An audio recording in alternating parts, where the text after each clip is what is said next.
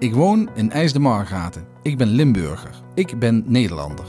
En ik rij vaker langs de Amerikaanse begraafplaats dan dat ik er stil ga staan om langs de graven te lopen. Andere mensen doen dat wel. En in mijn reis door de geschiedenis van 75 jaar bevrijding heb ik een aantal van hen mogen ontmoeten en naar hun verhalen kunnen luisteren. Veel van de verhalen komen samen op de begraafplaats of ze beginnen er. Nou, het is toch meer traditioneel, hè? Het is meer traditioneel, ieder jaar weer, hè? Ja, traditioneel en emotioneel. En emotioneel. Ja, inderdaad. Maar de verbondenheid die gegroeid is in de loop van de jaren, Ja. dat hou je tot aan je dood. Dat raak je niet kwijt. Dat is veel sterker. Want dat, dat is zo intens geweest. Omdat je die jaren toch wel... Wij waren natuurlijk pubers. En die puberjaren hebben ze ons afgenomen, die Duitsers. Maar toen kwamen die Amerikanen, was het zo'n verlichting voor de mensheid. En dat kun je ook alleen maar beseffen als je er middenin gezeten hebt. En wat ik merkte ehm, toen ik ouder werd en mij ging verhouden tot mijn soldaat, zeg ik dan maar heel even, eigenlijk de soldaat wiens graf ik in Margaat heb geadopteerd. Dat was een jongen van 21 uit New York. Ik bedoel, de werkelijkheid kan niet verder van ons af liggen dan ja, oorlog. Wat, wat, wat, is oorlog? En dat is voor mij eigenlijk het begin geweest van steeds maar nadenken van ja, wat is oorlog dan? En, en wat betekent dit nooit meer? En, en hoe bereik je, je dit nooit meer dan? Wat maakt dat er zo'n sterk gevoel van verbondenheid ontstaat? Hoe helpt ieder jaar stilstaan bij de gesneuvelden voor een sterker begrip van dit nooit weer? Welke kracht zit er in herdenken, in iets een naam en gezicht geven en dat doorgeven? Dit is Liberation Verteld, de luisterverhalenserie ter ere van 75 jaar Liberation in IJs de Margaten. Dit verhaal begon misschien 75 jaar geleden, maar is van alle tijden. Voor Sophie en Jan Rozenstraten begint dit verhaal op hun zeventiende. Voor Sebastian Vonk ook. Er zit alleen wat tijd tussen het begin van beide verhalen, maar ze komen hier samen. Sebastian Vonk is in 2014 begonnen met De Gezichten van Margraten. Foto's bij de gravenplaatsen van de gesneuvelde soldaten. Sophie Rozenstraten deed dat al in 1944. Misschien zelfs als eerste en haalde daar de Amerikaanse kranten mee.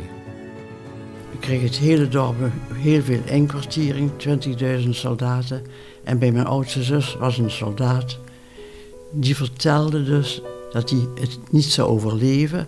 Of je mijn adres naar zijn moeder mocht sturen. En dat ik dan, als die moeder bericht kreeg, hij was bij het Rode Kruis.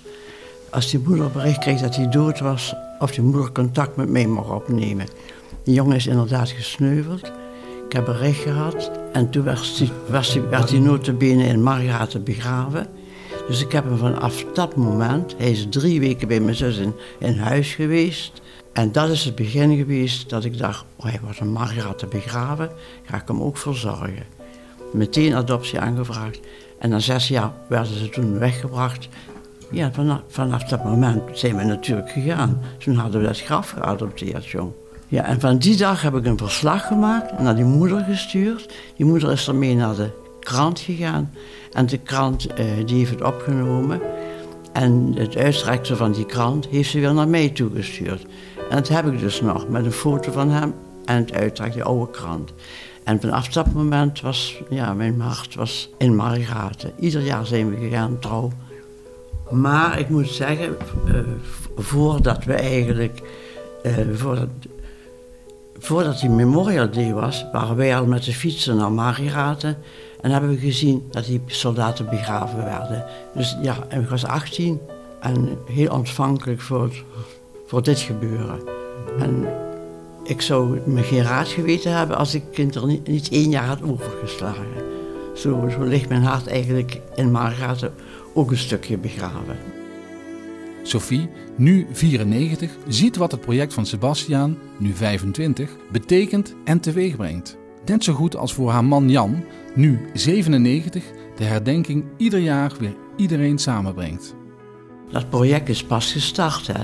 Een paar jaar geleden is dat gestart. En dan dan, het spreekt dan veel meer, hè. Dan denk je, wat, een jonge jongen mag hier onder de grond liggen, omdat wij bevrijd zijn. Dat is, heeft zo'n impact, vind ik. Het is heel goed dat ze dat doen. Ze hebben het ook al, een paar duizend hebben ze er al, hè. Maar in Amerika leefde dat helemaal niet, hè, dat hele gebeuren. Ja, de jongens kwamen, kwamen niet thuis. Nou ja, en als ze thuis kwamen hadden ze een trauma. Of ze waren dood of ze, waren, dus, hè, ze hadden een groot trauma. Maar nu zijn ze daarmee bezig en dan heb je ook het gevoel... oh jee, wat was hij nog jong. En des te meer pijn doet het eigenlijk. Nou, als je gezien had hoeveel mensen er waren om dat dus mee te maken. En als je het nagaat, Lopende fietsen en auto's en optrekkers. ongelooflijke grote En dat belangstelling. is goed, hè? En dat betekent dus dat het nog echt wel heel erg leeft onder de bevolking hier.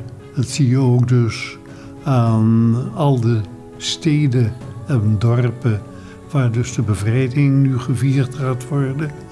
Het is toch echt, eh, na 75 jaar zijn we nog steeds dankbaar dat destijds de Amerikaanse soldaten ons bevrijd hebben.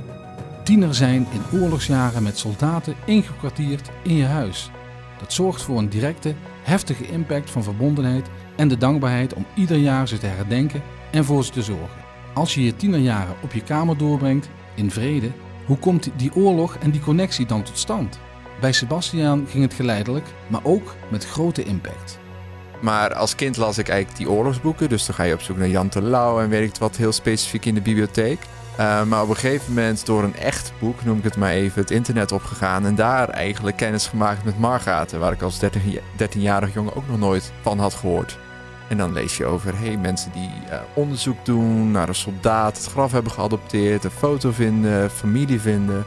En zo is het voor mij eigenlijk ooit begonnen dat ik dacht van wow, wat is dit bijzonder en, en fascinerend zelfs. Dat je eigenlijk met een naam op een kruis begint en dan op een gegeven moment eigenlijk een heel levensverhaal uh, voor je hebt. En zo is het eigenlijk voor mij ooit begonnen. Dan nog is de stap van interesse tot adoptie tot een groot project opzetten niet één die iedereen zomaar maakt. Ja, daarna is het eigenlijk een uit de hand gelopen hobby geworden, noem ik het altijd maar. Um, ik merkte zelf heel erg dat onderzoek doen moeilijk is. Dus dan zet je eens een website op en een forum waar mensen dan een beetje elkaar kunnen helpen. Mensen blijven plakken en dan denk je van nou, waarom, waarom gaan we zelf geen onderzoek doen en informatie verzamelen? En dat leidt dan tot een grote database. En dan denk je bij 70 jaar bevrijding, ja, waarom hebben we dat alleen maar online in een database? En waarom gaan we het niet laten zien op de plek die er echt toe doet? De begraafplaats zelf, we geven online een gezicht, maar niet, waarom niet waar die mensen liggen? En zo is eigenlijk voor 70 jaar bevrijding ooit het idee ontstaan voor de gezichten van Margaat. Eigenlijk letterlijk een gezicht geven uh, aan die soldaten. Maar er zit nu, na bijna 6000 graven te hebben voorzien van een gezicht en met nog ruim 4000 te gaan, meer achter. De boodschap is groter dan deze begraafplaats. Kijk, vrijheid is een heel abstract begrip. En zeker waar het gaat om herdenken, is het heel vaak de tegenstelling oorlog, vrede. Terwijl vrijheid eigenlijk veel meer is dan alleen maar um, oorlog of vrede. Ik vind de uitspraak van uh, Elie Wiesel ook heel interessant. Dat is een holocaust-overlevende. En die zei ooit eens... Um, genocide begint niet bij wapens, maar bij woorden. En dat zegt eigenlijk al van... We moeten veel eerder alert zijn op wat vrijheid is, hoe vrijheid in gevaar is. Kijk, oorlog is heel erg het, het, het domein van soldaten. Maar onze samenleving is het domein van ons en dingen die wij kunnen doen. Ja, nu, ik, moet denken aan, aan de drie vragen die Wiel Lenders, directeur van het Nieuwe Vrijheidsmuseum in Groesbeek, eens tegen mij heeft gezegd. Van die hij altijd als richtlijn heeft in zijn werk. Um, de eerste is, hoe hebben we de vrijheid verloren? Hoe hebben we de vrijheid herwonnen? En de laatste, hoe behouden we die vrijheid? En soms vind ik het probleem, ja, probleem, ik weet niet of het juiste woord is, dat we heel erg richten op hoe hebben we de vrijheid verloren. Of nou, dat nog geen eens, maar nog meer eigenlijk hoe hebben we hem herwonnen. Dus het is heel erg het bevrijdingsverhaal wat mensen heel erg trekt. Uh, reenactment, uh, met monumenten. Maar het is natuurlijk, als je zegt dit nooit meer, is eigenlijk de vraag hoe hebben we hem verloren? Een hele belangrijke. Van hoe begint dat sluimerende proces van het verliezen van vrijheid? En dat soort vragen, als we, dat, als we die vragen met elkaar kunnen stellen, ik denk dat we dan altijd een heel goed beginpunt hebben om inderdaad te leren van. In zoverre mogelijk. Want de hedendaagse situatie is nooit precies hetzelfde. Maar ik denk wel dat we op dat gebied zeker nog stappen kunnen zetten. Ook voor Jan en Sophie is herdenken meer dan alleen stilstaan bij 75 jaar geleden. Voor hen is het persoonlijk herinneren, het doorgeven van dankbaarheid en het opbouwen van relaties. Juist omdat de wereld zo groot is en er nog steeds zoveel leed is. In al die plaatsjes waar de bevrijding dus heeft plaatsgevonden, nu feesten zijn. Ja. Hè? Dus na 75 jaar leeft het nog steeds. En, en de wil om inderdaad vreedzaam met elkaar te leven is er wel. Maar helaas zijn er omstandigheden die dit ja, schijnbaar niet mogelijk maakt. Maar laten we proberen om het op kleine schaal zo gezellig en zo goed mogelijk te maken.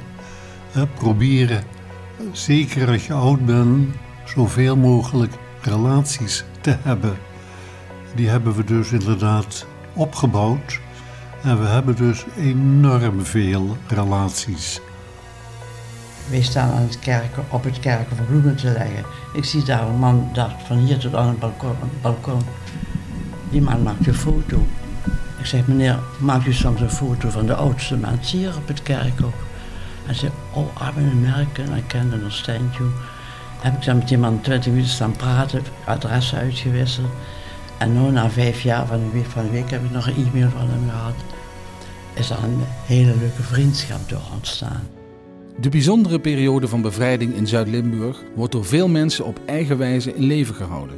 De verhalen verteld. De ooggetuigen zoals Frans Mingels of mevrouw Jacobs, die nu nog kunnen vertellen wat ze hebben meegemaakt en wat door 75 jaar Liberation vastgelegd wordt.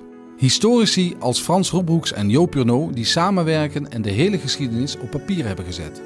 Maar ook organisaties als Crossing Borders uit Noorbeek en Battlefield Guide Frank Gubbels, die bijna iedere dag bezig zijn mensen te informeren en mee te nemen in dit stuk geschiedenis.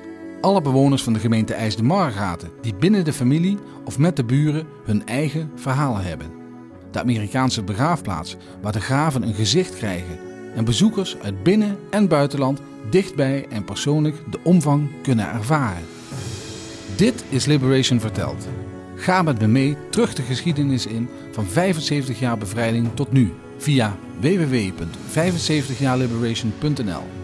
De afleveringen zijn ook te beluisteren via Spotify of Apple Music. Ik ben Roel Imveld. Deze luisterverhalenserie wordt gemaakt in opdracht van de gemeente IJs de Margraten door Castleview Studio en Firestory.